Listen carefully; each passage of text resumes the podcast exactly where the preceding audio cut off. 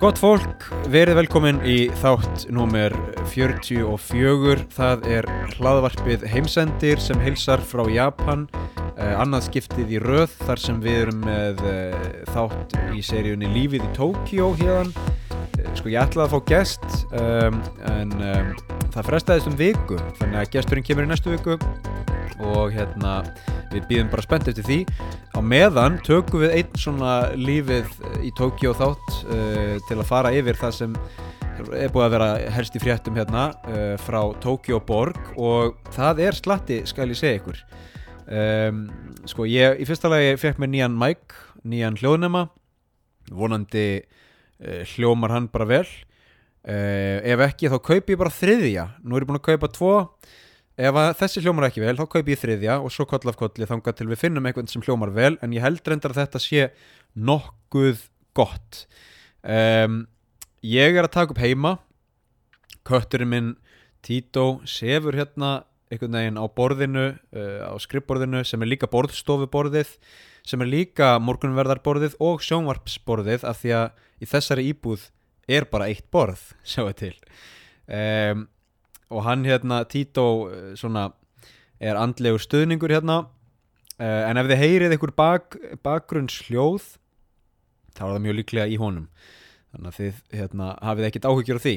Sko, við dempum okkur bara beint í, í þetta. Um, í dag ætla ég aðeins að spjallum bara hvað hvað ég er svona búin að vera að sjá á síðustu dögum hérna í Tókjó um, sko í fréttum er það helst að við erum að fara inn í regntímabilið sem er um, uh, kallað Tsu hérna og varir einhverjar vikur. Það, það ávist að vera svona mjög mikið regntímabil sko, við erum að tala um alveg bara svona mjög mikil regning uh, sem kemur einhvern veginn lóð beint niður og, og, og fer á allt og alla og, og hérna, já vel þrömu veður með því.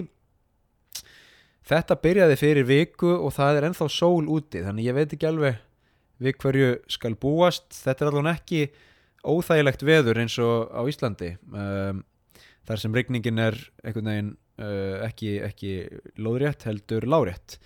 Uh, og vindur með í kaupæti.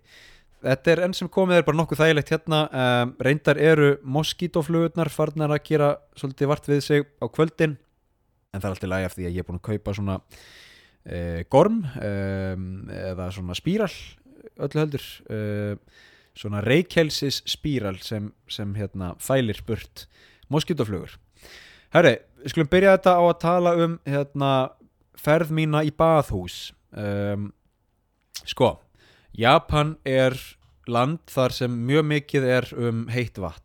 Um, þar að segja náttúrulegt heitt vatn annars vegar og upphitað vatn hins vegar.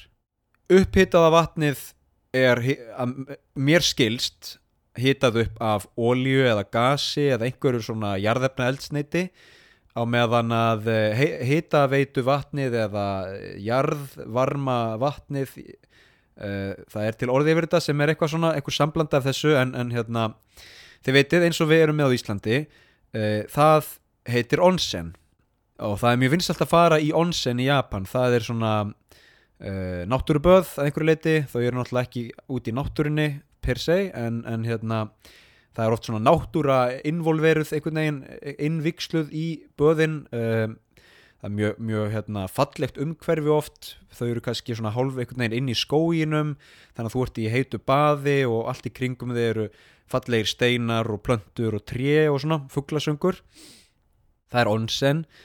Hér í Tókjó er ekkert onsen það er, það er ekkert um, það er engin jarðvarmi sem slíkur allavega ekki til að hita upp bað í baðhús. Þannig að baðhúsin hérna eru uh, mestuleiti upphituð um, af vantala jarðefna eldniti þetta heitir Sento og það er eitt slíkt í hverfinu mínu.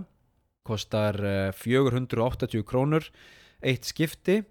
Læt það alveg vera. Um, það reyndar eina við það er að þetta er innanhús baðhús. Um, það væri gaman ef það væri hægt að hérna já ég segi nú ekki verið í sólinu úti af því þú vilt ekki vera kannski í sko 45 gráðu heitu vatni í 35 stiga hitta og með sól. Það væri kannski full mikið en að ég veit ekki, það er einhvern veginn komandi frá Íslandi þá hugsa maður um bað og baðhús og svona sundlögar menningu að þá er maður einhvern veginn utan dýra allavega, ég fór í baðhús uh, Sento í hverfinu mínu og ég sá tvo gauðra úr Yakuza fólk hefur heyrt um Yakuza fólk hefur líka heyrt um Yakuza jafnvel Jacuzza eða Jacuzzi, það er endur annað.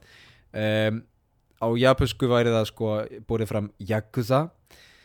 Og þetta er japanska mafjan uh, sem fólk hefur kannski séð aðalega í bíómyndum en hún er til og hún er raunveruleg uh, þó reyndar miklu minni núna heldur hún var þegar hún var upp á sitt besta innan gæðsilappa en ég ætla að sá tvo gauðra úr Yakuza í baðhúsinu og um, sko, ég, ég er svona 99% viss um að þeir hafi verið í Yakuza eða hafi einhverja tengingu við Yakuza því að þeir voru með þannig tattoo.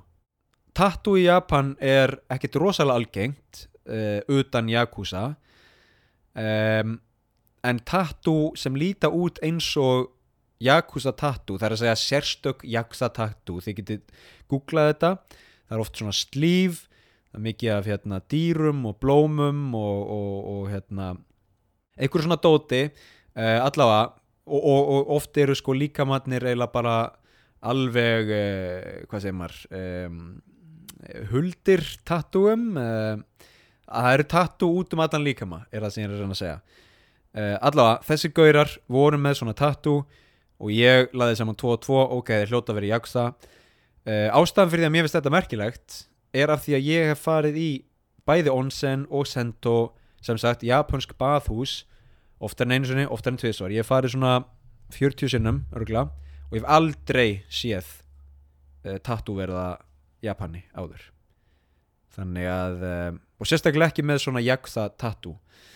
Uh, þannig ég held að þetta sé, hafi örgla verið uh, stemming, ég er svona ég var nekkert að stara á þá en ég er svona aðeins, að, aðeins að skoða tattooin. Mér fannst þetta svolítið áhugavert. Uh, þau eru líka flott og, og hérna þeir voru með alveg, alveg freka mikið af tattooum. Uh, sko, Jaksa er sagt eins og ég segja japanska mafjan um, sko, þetta er svona ekki kallað Jaksa hérna í, í Japan. Um, í svona ofnbæru umræðu, umræðu er þetta kallað Boryokudan sem þýðir bara svona ofbeldishópar uh, með skilstaði japanska ríkistjórnin og, og, og lauruglan hafi beðið til ég bæði fréttameðila og almennings í raun um að uh, hætta að nota orðið jaksa og nota borjókuðan í staðin uh, til að svona já, íta undir, íta undir þá ímynd að þetta væru jú ofbeldishópar frekar en eitthvað annað af því að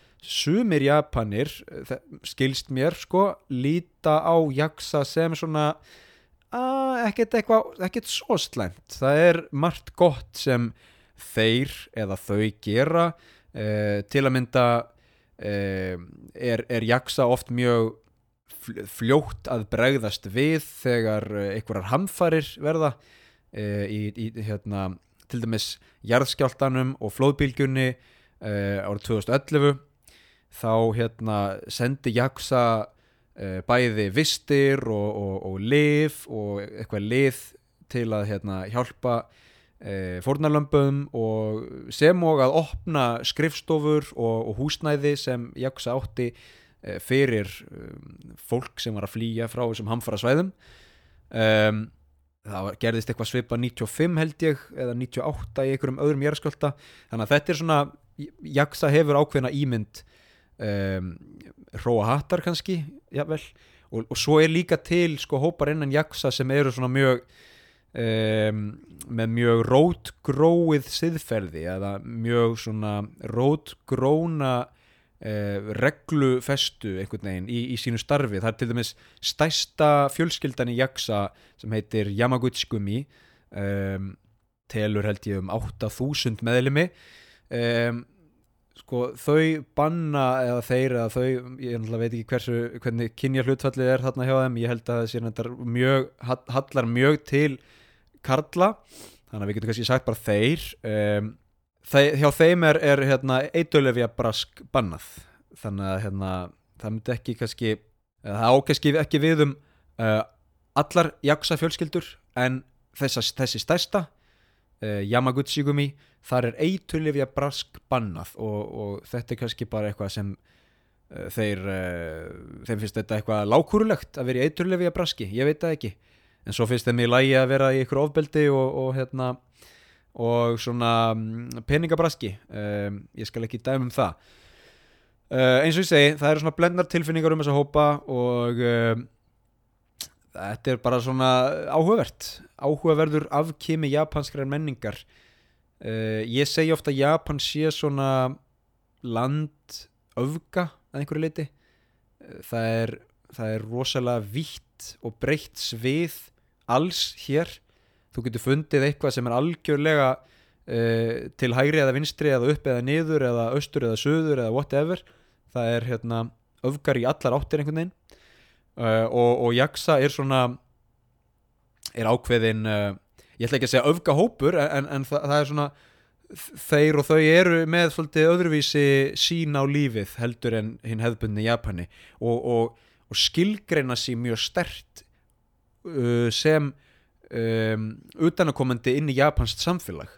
Þess vegna er, er menning fyrir því að vera að tattúvera allan líkamann og vita að þegar þú ert búin að tattúvera allan líkamann þá er ekkert aftur snúið þá getur ekkert aftur orðið venjulegur innan gæðsalappa þegn samfélagsins af því að þú ert búin að merkja þig þú ert búin að merkja þig og þú ert búin að ákveða að lifa þessum lífstíl sem er jaksa.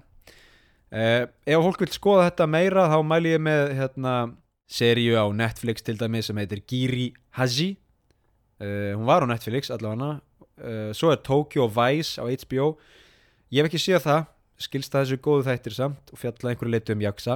Svo er það náttúrulega bara þessa gömlu jaksa bíómyndir. Um, það er hérna eru margar góðar frá 1970, 1980 eitthvað svona. Margar gamlar góðar jaksa bíómyndir. Mælum að kíkja á það. Hörðu, næsti punktur um, ég er alltaf að fara í ræktina hérna. Ég kom með nokkuð gott prógram. Ég fer í ræktina tvísvar, þrísvar í viku og síðan fer ég að hlaupa tvísvar, þrísvar í viku á móti. og reyna að fara í baðhúsið fyrrnemt baðhús tvísvar, þrísvar í viku líka. Uh, þannig að ég er komin í gott prógram. Uh, sko, ræktin sem ég, þar sem ég er núna er mjög góð að því leitur hún til að hún er opinn og, og stór og það er alls konar lóð og alls konar tæki. En hún er ennþá japansk. Ég lendi því að hérna vera að taka uppífingar. Á uppífingastöng og þá kemur starfsmaður og segir afsakið, afsakið uh, hérna uh, bannað, hérna, bannað að gera uppífingar og ég, ég sagði svona við hvað hva, hva menn er bannað? Já það er bara bannað að gera uppífingar uh, ok en okkur er þá uppífingarstöng hérna? Og hann sagði ég ætla að þess að fara að spurja og svo fór hann og spurði yfirmann. Svo kom hann aftur og sagði já það er bara bannað. Það er bara, það er bara bannað því miður og ég sagði bara ok, ekkert mál. Uh, svo, svo var hann svo elskulegur að benda mér á aðra upphýfingastöðing sem var aðeins öðruvísi og þar má taka upphýfingar en ekki á þessari. Og síðan kom yfirmaðurinn og sagði já, sorry maður, það er bara, hérna, það er bara bannað. Og, og ég fekk ekki, ekkert nánari skýringu á því. Ég get ímynda mér að þetta sé eitthvað með öryggi að gera sko en, en ég veit ekki hver munurinn á þessum uppbyggingastöngum er. Þannig að eh, já, ég þurfti bara að fara frá einni uppbyggingastöng í- yfir á aðra og það er ekkert mál mín vegna. Um, uppbyggingastöng er uppbyggingastöng en mér fannst bara áhugavert að þessi væri bönnuð en hinn ekki. Þannig að það er alltaf eitthvað svona það er alltaf eitthvað smá verið að reyna að uh, hafa heimil á fólki. Það er einhvern veginn uh, frelsið er ekki alveg uh, sko, frelsið er skert myndu sumir segja um, kerfið er upplugt myndu aðrir segja. Þú veist uh, ég upplifi kannski að einhver leiti að hérna, frelsi mitt sé skert af því ég má bara nota eina upphingastöngin ekki tvær sem er náttúrulega fáránlegt vandamál að hafa að glíma við. Um, en, en Japani myndu kannski segja nei fyrir ekki auð, þú ert bara hérna að koma inn í þetta kerfi okkar og, og við erum búin að vera með þetta kerfi í 6000 ár og það hefur bara gengið nokkuð vel hingað til uh, þannig að hérna, þú þarft ekki að fara að kenna okkur uh, hvernig á að, að keira hérna, þetta prógram. Um, þú veist, þetta, ég, ætla, ég ætla aldrei að vera að dæma um eitt eða annað í, í þessu hlaðvarpi sko, allavega ekki, ekki, ekki svona ekki eitthvað menningar tengt, ég er ekki að fara að segja að hérna ég með mín 29 ár af reynslu sé eitthvað hérna, vitrari en, en 130 miljónum manna þjóð með 6-7-8 þúsund ára sögu. En ég get alveg tekið eftir því sem ég finnst áhugavert og ég er bara að tala um það. Herri, hérna og ég mun tala áfram um sko hluti sem mér finnst skrítnir, jafnvel hluti sem fari í taugarnar á mér, jafnvel hluti sem mér finnst uh, sína einhverja ókurteysi eða þar sem hérna uh, já, mér finnst bara eitthvað ekki í lagi, jafnvel en ég ætla líka að tala um það sem ég elska við Japan og það sem ég hérna, það sem ég finnst mjög uh, næs við að búa í Japan. Dæmum það er, er hérna hvað allt er þægilegt í Japan. Um, til dæmis fjarlægðir. Nú bý ég hérna í svona litlu útkverfi uh, Tókjó uh, ekkert eitthvað útkverfi eins og Mósfellsbær og miðbærin þetta er bara svona rétt rétt á jæðrinum uh, sem dæmum fjarlægðir þá tekur það mig eina mínútu að lappa í næsta apotek frá íbúðinu minni. Það tekur mig eina og hálfa mínútu að lappa í kombíni sem er svona lítil verslun kannski eins og 10-11 og þær eru opnar allan sólarhingin þannig að ef ég vakna klukkan þrjú á nóttinni og þarf að fá mér mjölk það er ekki lendið í því en, en ef þetta skildi gerast þá get ég lappað í einu og hálfa mínútu og keift mjölk Hörru, svo tekur það mig fjóra mínútur að lappa í súpermarkaðin um, maturverslunina það tekur mig 5 mínútur að lappa á lestarstöðina og þaðan er ég 10 mínútur í lest niður í miðbæ sem er Shibuya, það er minn miðbær það er náttúrulega eru margir svona kjarnar. Þannig að ég er í raun 15 mínútur frá dýrum niður í miðbæ uh, en byttu ef þú missir af lestin og þarf það að býði hálftíma. Þú veist eins og Íslandi, ef maður missir af strætó þá kannski er þetta býði hálftíma, ég vil klukkutíma. Ég vil endið því, býði klukkutíma eftir næsta strætó. Uh, nei nei, þú býðir í svona 2-3 mínútur. Lestaðnar koma bara á 2-3 mínútna fresti. Það er ekkert vandamál, þannig að þú þart ekki að vera með strætó.is appið og, og hérna skipuleggja strætóferðina eina deginum áður til að þú náur örugla strætó þurfi ekki að býða nei nei, þú bara lappa neyru stöð og teku bara næstu lest, þetta er ekkert vandamál. Herri, ok, síðan er ég reyndar sko 17 mínútur að lappa í ræktina. Um, en það, það er líka bara af því að það er þessi rækt sem ég er að tala um sem er mjög góð og mjög ódýr. Uh, það er alveg rækt í næsta húsi. Ég gæti verið þrjár mínútur að lappa í ræktina sko. En hún er bara dýrari. Um, Annað sem ég elska við Japan er hérna eru sko er menningin fyrir því að hafa litlar búlur út um allt?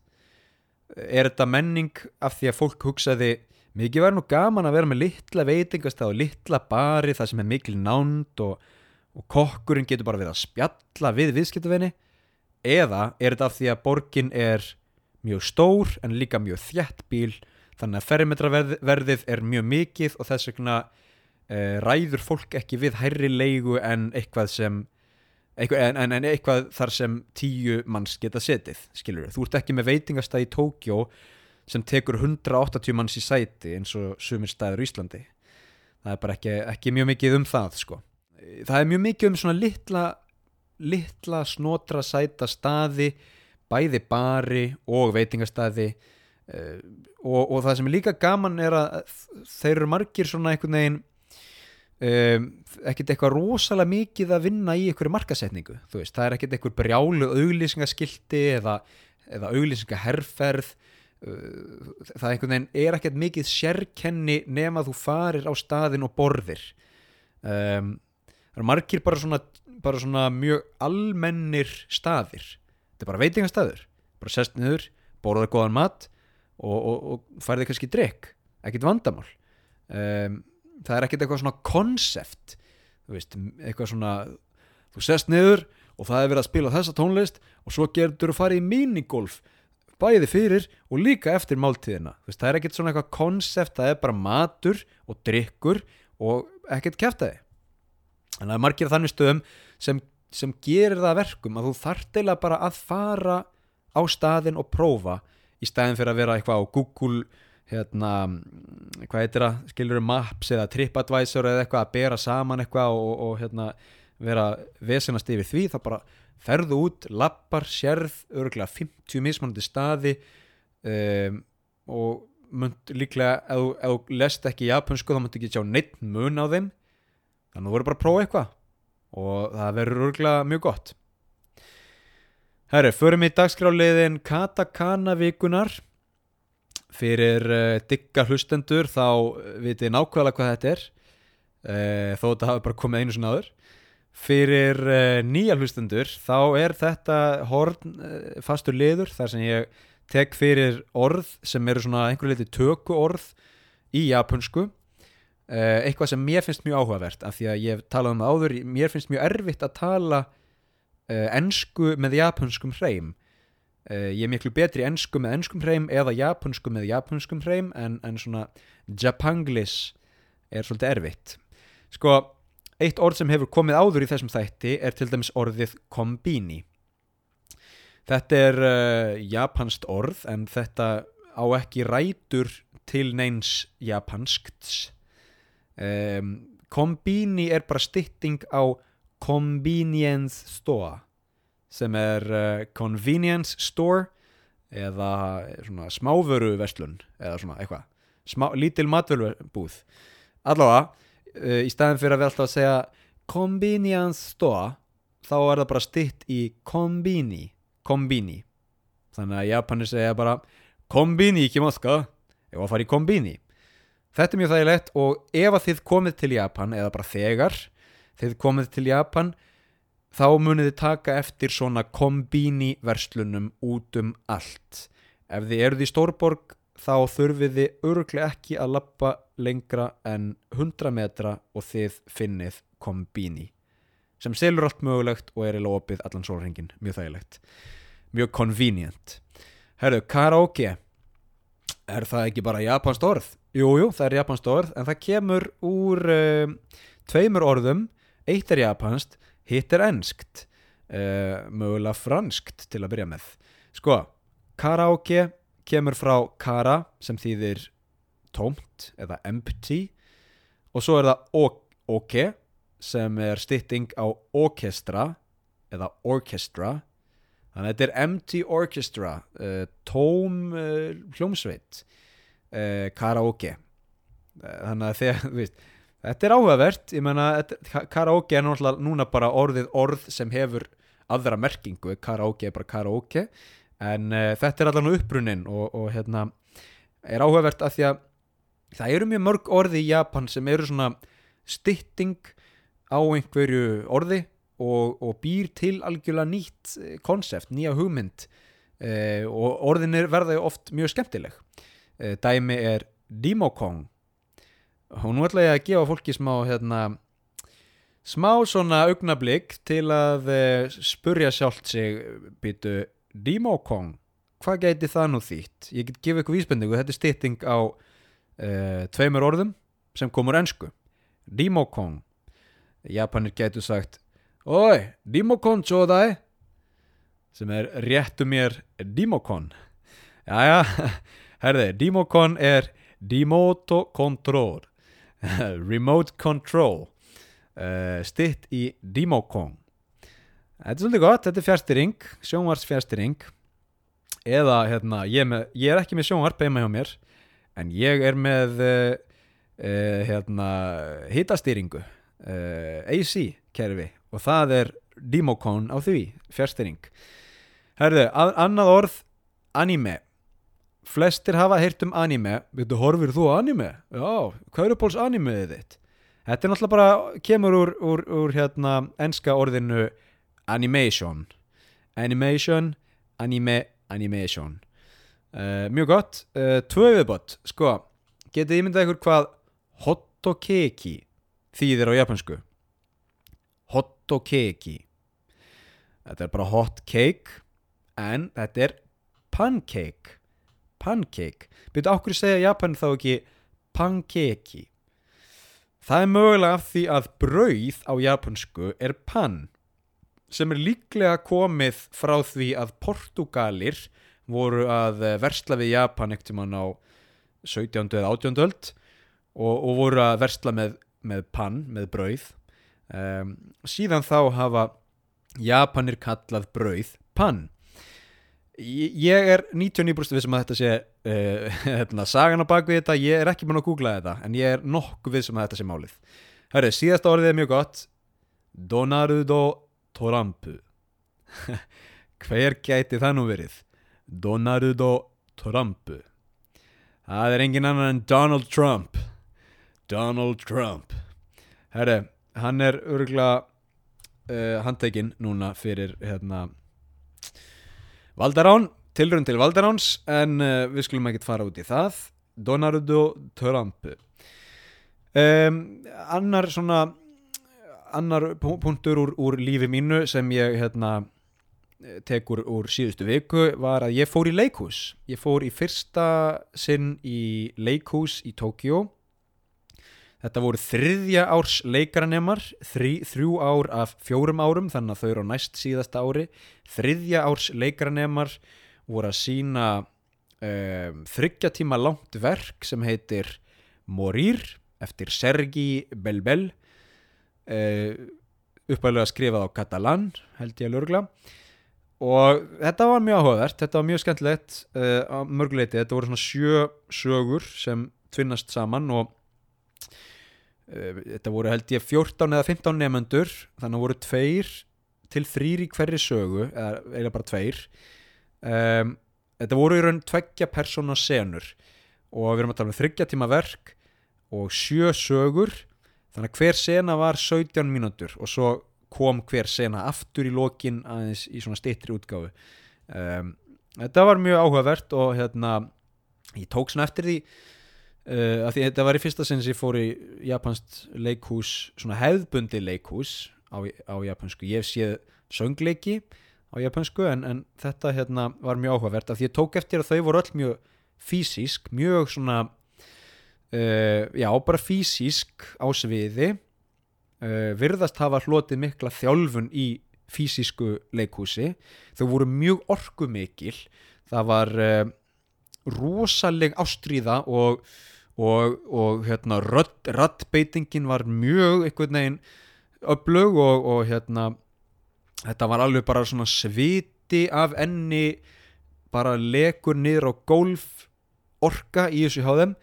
Um, sko fyrir mig sem er ekki nóg að sjóaður í japansku leikhúsi og, og ég raun bara fyrir fólk eins og mig sem er aðlið upp í vestrænu leikhúsi þá þá kannski virtist þetta vera svolítið hérna ég ætla ekki að segja einsleitt, alls ekki en, en þau voru svolítið í orkunni reyði, öskur eh, mjög há orka, mjög hátt tempo, mikill rithmi svolítið lengi. Það var, það var ekki mjög mikið svona yfirvegað á, á rólegum nótum. Er það uh, af því að þau eru ennþá að læra? Er það af því að kursin krafðist þess þetta myndi að einhverju leiti kannski á gríst leikhús hefðbundið uh, mjög svona stórt allt og hérna eins og ég segi mikil kraftur og mikið þól hjá þessum krökkum að vera vera bara alveg uh, í svona tempo í svona langa tíma. Það var mjög áhugavert.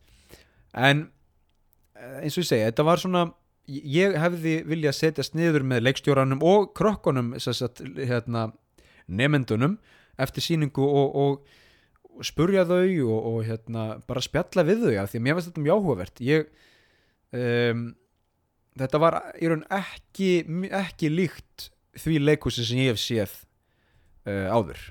Þetta var svolítið öðruvísi. Þau voru samt einhvern veginn að tappa inn í smá realisma. Sem dæmi þá var einhver sem átt að vera einhvern veginn e, alkoholisti eða eiturlefja súklingur í, í, í hérna, verkinu uh, og hann var einhvern veginn umkringdur alvöru vinnflöskum og, og hérna, viskiflöskum og svona.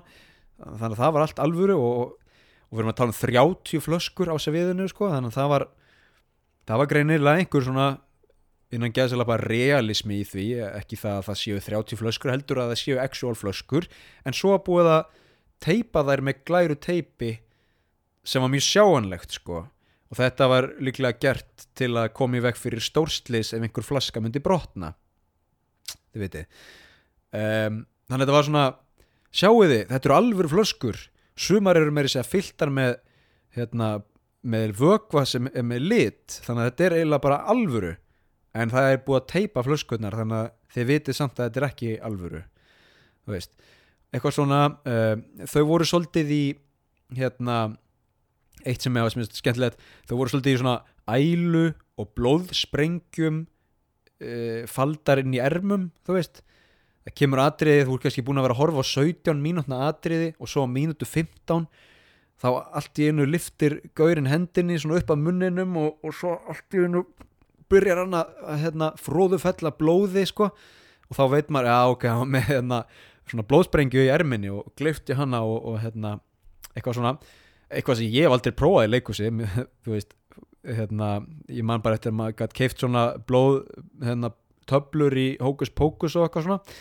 Um, þannig að þetta er svolítið skemmtilegt. Þú voru svolítið að leika sér með eitthvað svona realisma en samt, samt innan uh, regluverks uh, Japans og sérstaklega uh, sko innan, innan þessi regluverks sem háskóli er þú veist þau máttu fara miklu lengri en ég mátti fara til dæmis þegar ég var í drama club í hérna mentaskóla Menna, þá máttu við bara ekkit tala um hluti eins og, eins og hérna, eiturlif og, og kynlíf og, og veist, morð eða eitthvað þannig. Við vorum bara, við vorum að setja upp leiksýningu um ræðukeppni í mentaskóla, við vorum veist mentaskóla nefendur að setja upp leiksýningu um mentaskóla nefendur sem voru bara að gera eitthvað, allt, eða, veist, gera eitthvað annað activity. Þannig að það er spurning hvort að ræðuklúpurinn sé að hérna, fjalla um leiklistaklubbin og leiklistaklubbin allavega, við vorum bara í mjög hefðbundinni mjög svona hverstagslegu þema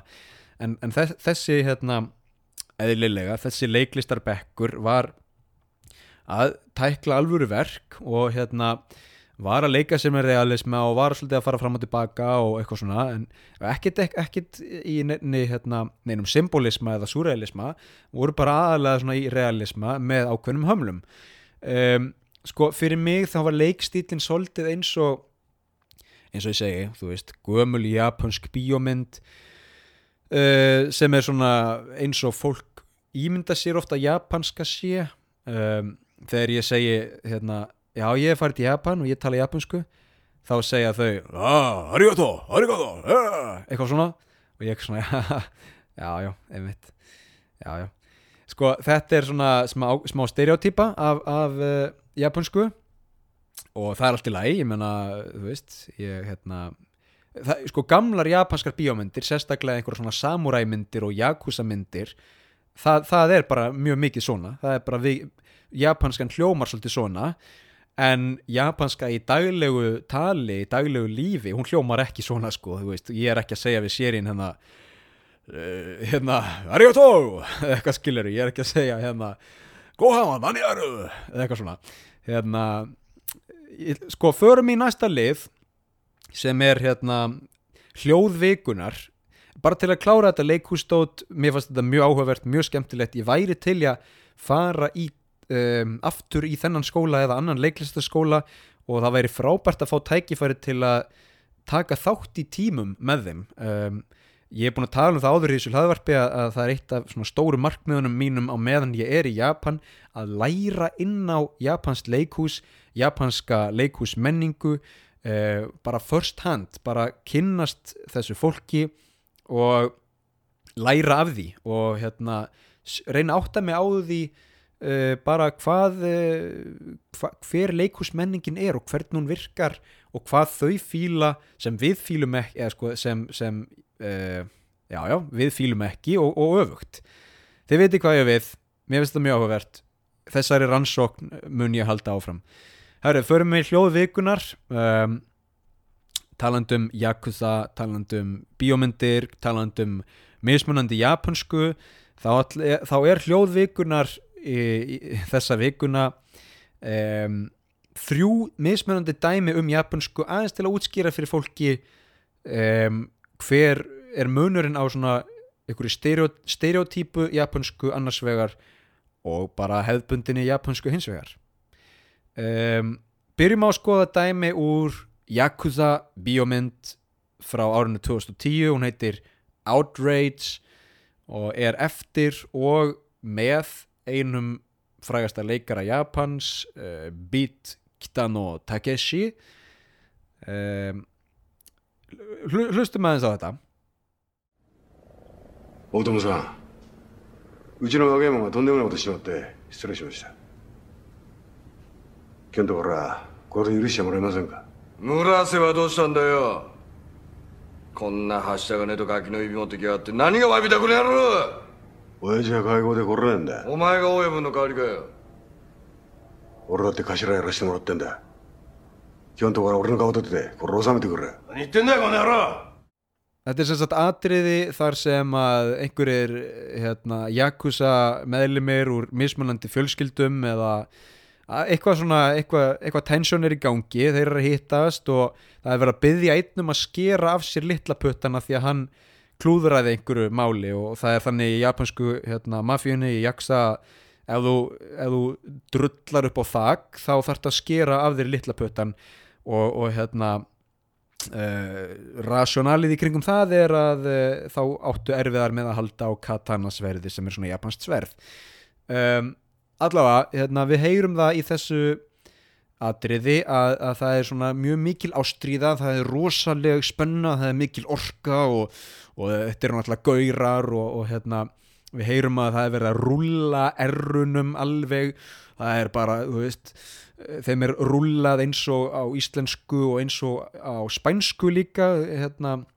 Í spænsku er til dæmis correra þú veist, correr og eitthvað svona það er, er hérna dæmi um rúllandi R eitthvað sem hérna til dæmis ennskumælandi fólki finnst stundum erfitt 頭なら若い者の責任取っててめえが指詰めろこんなつまらねえことで俺の指詰めれるかこんなつまらねえことだ。どこの野郎。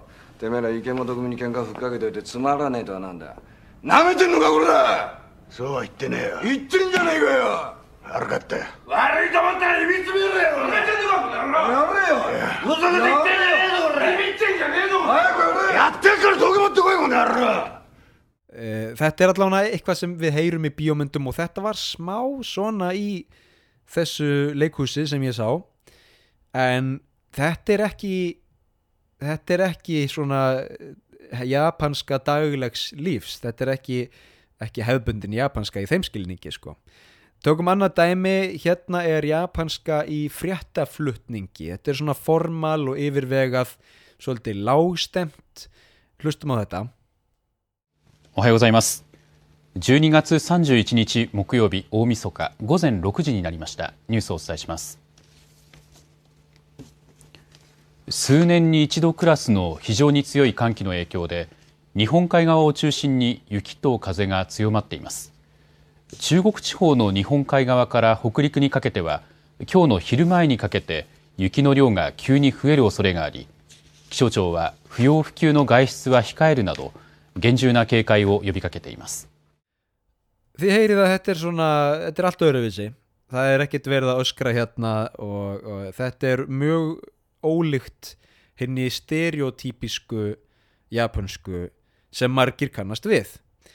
Uh, síðasta dæmi er, er hérna samtal milli vina eða svona dæmi um samtal milli vina. Þau eru ekki alveg í casual, þau eru smá svona formal en samt mjög yfirveguð og róleg og ekkert verið að öskra ekkert verið að rúlla errum mikið um, ekki mjög svona syngjandi í tónfalli eins og eins og hérna japanskan getur verið í bíómyndum Tö- hlustum á þetta dæmi スペイン語だとエンパティア、共感してもらえるっていうのがやっぱり会話の中で一番こう大切なことだと思うんだよね。うんうん だからそれを別に言葉じゃなくても顔でもいいし、そのジェスチャーでもいいから、その表すようにはしていた。私が初めてスペインに行った時も、うん。もうあのねあの芸芸人みたいなうんリアクションばっかりしてましたよ私 何？それめっちゃ気になるね あの、うんジェスチャー使ってうん「そうなんだ!」とかうん「すごいね!」とか全部体で表現してましたね、うん友達作るために必死でしたうんでもできたよできたでしょ、うんうんうんう、うんんコミュニケーション能力があるってそういうことなんだろうね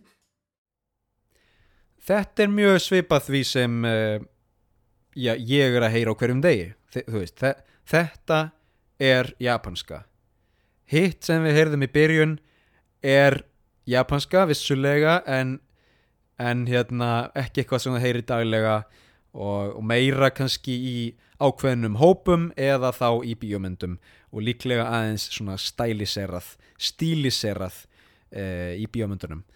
Þannig að þetta útskýri vonandi einhvern mun þarna á, á, á hérna, hvernig japanskan getur verið mismunandi og þetta er auðvitað ekki tæmandi listi um, yfir japansku og mismunandi útgáfur af henni uh, það er til alls konar sko, uh, ef þú ert að tala við keisaran eða meðlum keisara fjölskyldunar þá ert að tala mjög öðruvísi. Þannig að það eru til margar tegundir af japansku en þetta voru allavega nokkur dæmi. Jæja, í lokin langar mig að, að hérna, nefna um, eitt sem mér finnst mjög áhugavert og eitt, eitt sem ég er svona aðeins búin að vera velta fyrir mér núna á síðustu dögum það er um, Japan sem ei-ríki, ei-land uh, betur þekkt sem eiga um, Japan eins og Ísland er eiga Japan, Japan er svona cirka fjórum sinnum stærra en Ísland. Um, það er náttúrulega miklu fleiri í Japan heldur en Íslandi og samanburðurinn um, er einhver en ekki mikill. Veist, þetta eru bæði svona fiskiþjóðir sjávar þjóðir það er svolítið af heitu vatni og, og mikið af fjöllum og eitthvað svona. Um, sko 70% af Japan eru skóar uh, 3% af Íslandi eru skóar hér eru engir eiginlegir jöklar. Þú veist, jú, ef þið googlið það þá er einn eða tveir jöklar. Þeir eru ekki stórir um, og líklega ekki mjög langlifir þannig að Japan er mjög frábröðið Íslandi en vissulega eiga eins og Ísland og mér langar aðeins að bera saman sko uh, Japan sem lokað land annars vegar og Japan sem opið og alþjóðlegt land hins vegar. Um, Ísland var til dæmis einangrað í mörg hundruð ár. Um, það var ekki beint kannski eh, stefna Íslendinga að vera einangruð það var kannski öfugt uh, að tala um ein, ein, ein okunar verslun og hérna kend oft við Dani og, og hérna Danakonung og svona. Þannig að það- var einhver einhver líkindi á Íslandi og Japan en ástæðunar voru líklega hérna, ekki sambarilegar sko, Japan var sem sagt lokað land í raun einangrað að einhver leiti frá árinu 1603 til 1868 þá voru þau innan gæsalappa sjálfum sér nóg og vildu ekkert með útlönd hafa fyrir utan smá viðskipti aðalega við Kína, Kóreu og hollenska Austur-Indiafélagið um, sko, mér skild að þetta hafi verið gert með það í huga að takmarka nýlendu áhrif landa á borðið Spán og Portugal uh, annað hérna, sem, sem uh, talað er um að hafi haft áhrif þarna var sko dreifing kathólskrar trúar. Japanska eh, hvað segir maður, ráðamenn eða valdamenn í Japan á þessum tíma voru ekkit rosalega hrifnir af því að kathólsk trú væri að ryðja sér til rúms í Japan. Þannig að það var aðeins verið að hérna, setja hömlur á það ég mæli mig að kíkja á bíómyndina Silence eftir Martin Scorsese. Hún er frá 2016 r- sko stórmynd en einhvern veginn flög algjörlega undir ratar flestra. Um, ég horfði á hana mér fannst hún nokkuð góð. Hún er með til dæmis uh, hérna, Andrew nei, jú, Andrew Garfield og hérna oh, hvað heitir hann? Adam Driver þeir eru hérna flottir er að leika einhverja uh, kathólska trúbóða sem fara til Japan og eru sko eru sko on a mission from God þú veist. Þeir eru mættir til að frelsa fólkið sko. En vita ekki alveg að hérna, Japan og sérstaklega valdamenn í Japan eru mjög ósáttir með slíka trúbóðun og uh, já, þeir lendir smá remmingum hérna í Japan. Uh, þeir eru ekki velkomnir um, allavega ekki af valdamönnum. Þannig að ég mælum að kíkja á Silence frá 2016 hún fjallar svona aðeins um þetta tímabil í sögu Japan þegar það var vissulega lokað um heiminum. Um, 1868 þá opnast Japan og það eru margar ástæði fyrir því að það opnast en það sem er áhugavert er að í kjölfarið þá yðinvæðist Japan mjög hratt og verður í raun kapitalist land og, og, og, og vex og stækkar og verður mjög fljótlega, við erum að tala um kannski á 30 árum, verður það bara eitt upplugasta innan gæðsalappa land heimsins eh, allavega þegar kemur að, að hérna, hernaðarmætti og efnahagsmætti.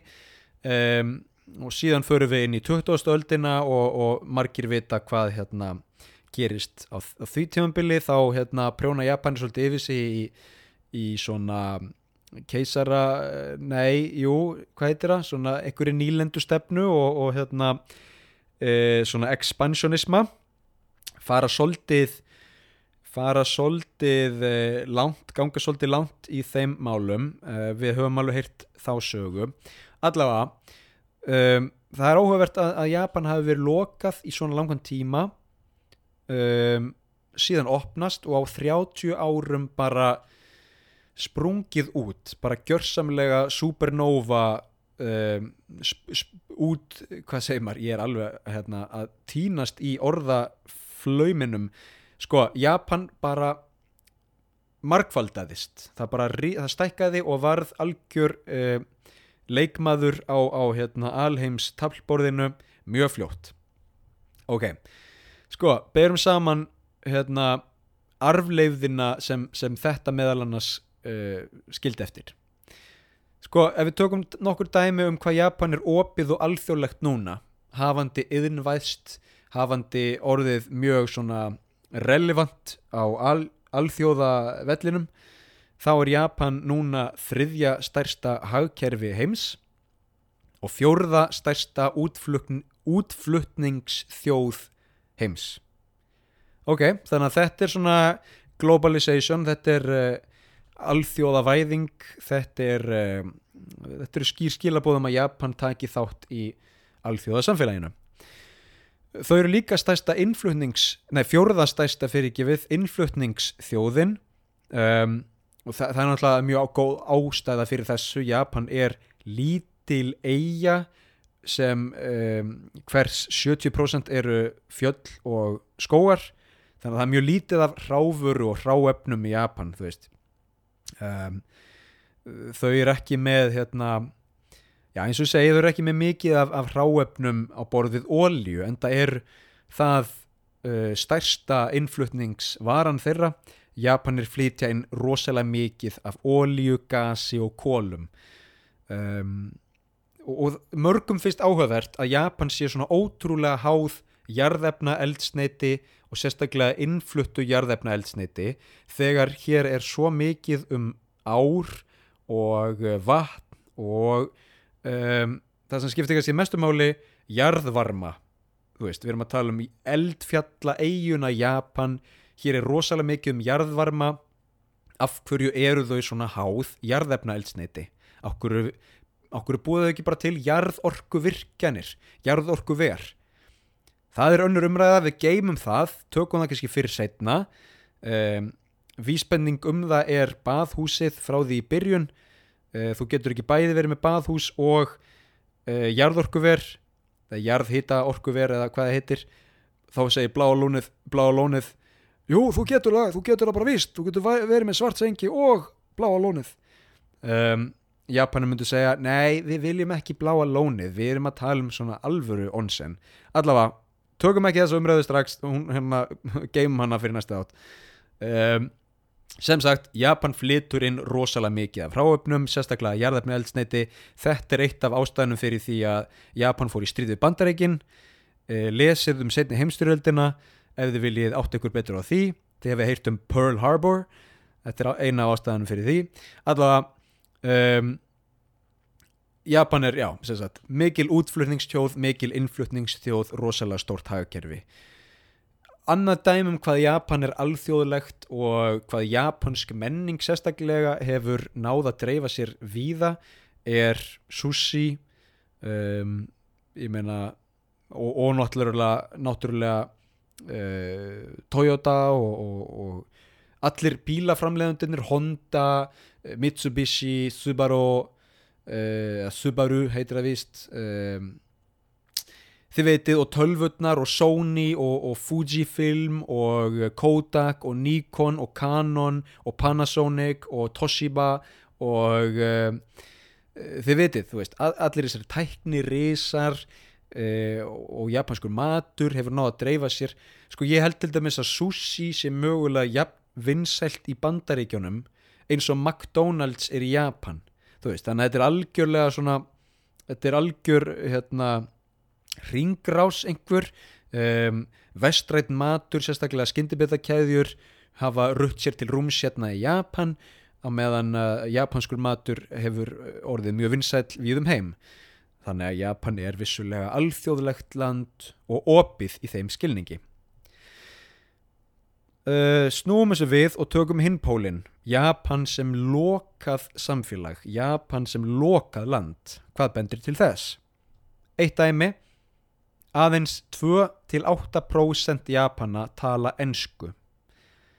Þú veist ofinbyrjar tölur myndu segja miklu meira kannski 30% af Japanum, Japanum tala ensku.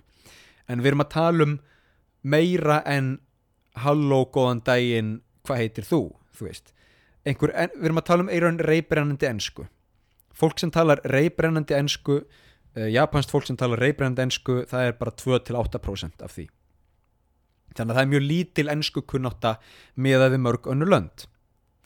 Annað dæmi um hvað Japan er svona lokað innan gæsalappa kannski sjálfum sér nægt væri miklu betra orðalag er að vestræn tónlist og, og veist, ekki bara vestræn heldur allt sem er ekki japanst en, en þú veist bara for argument's sake segjum vestræn tónlist, vestrænar kvikmyndir þættir þáttaserjur bara vestræn menning og svona popmenning um, kemst bara að ákveðnu leiti inn í Japan.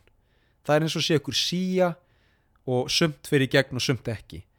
Þú veist, ef maður spyr Japani vitið hver Justin Bieber er? Þá vita flestir hver það er. En ef maður spyr veist, ég veit ekki vitið hver hérna, Kanye West er?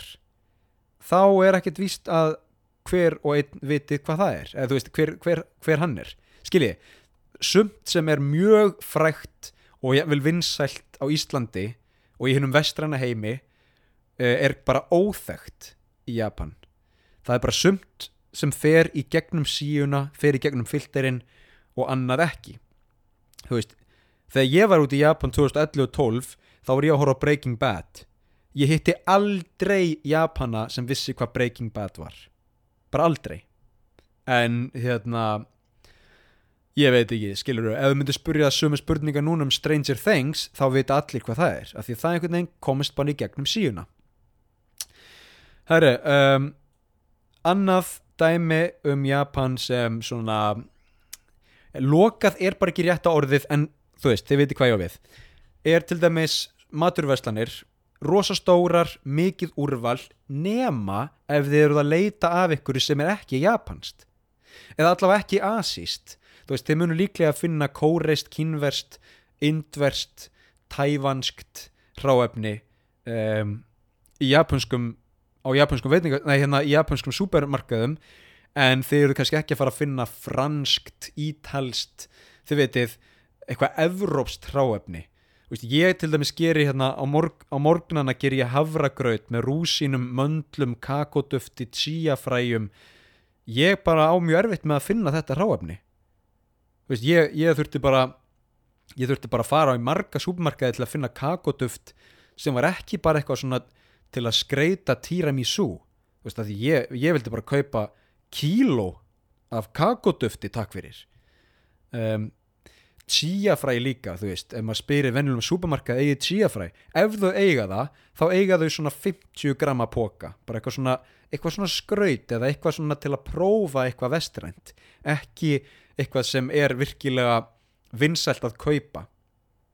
Ég meina, þetta er ekkit gott eða slæmt, þú veist ef þú ert í Japan eldaðu þá bara japanskan mat, það er miklu auðveldara miklu ódýrara og hann er líka bara ó, ótrúlega góður þú veist, en ef mann langar að elda eitthvað íslenskt af og til eða eitthvað skiluru um, hvað er íslenskt, ég veit það ekki þá þarf maður kannski að leita aðeins, aðeins víðar og borga líklega meira fyrir það. Þannig að svona aðlokum þú veist, ég er ekki að komast að nefni niðurstöðu, ég er bara að hérna aðeins að hérna opna inn á uh, þá umræðu eða allavega að, að útskýra minn pól í þessu máli. Japan er einhvern veginn bæpólar hvað það varðar að það er bæði mjög alþjóðlegt og opið og glóbal en það er líka mjög sjálfum sér nægt og lokað innan gæsalappa. Þetta hérna um, þessi punktur var svo síðasti í þætti dagsins enda heldur þessi bara komið gott. Ég reyna að fara nú ekki yfir klukkutíma þegar ég er svona að tala einn. Um, vonandi hafðu þið gaman af.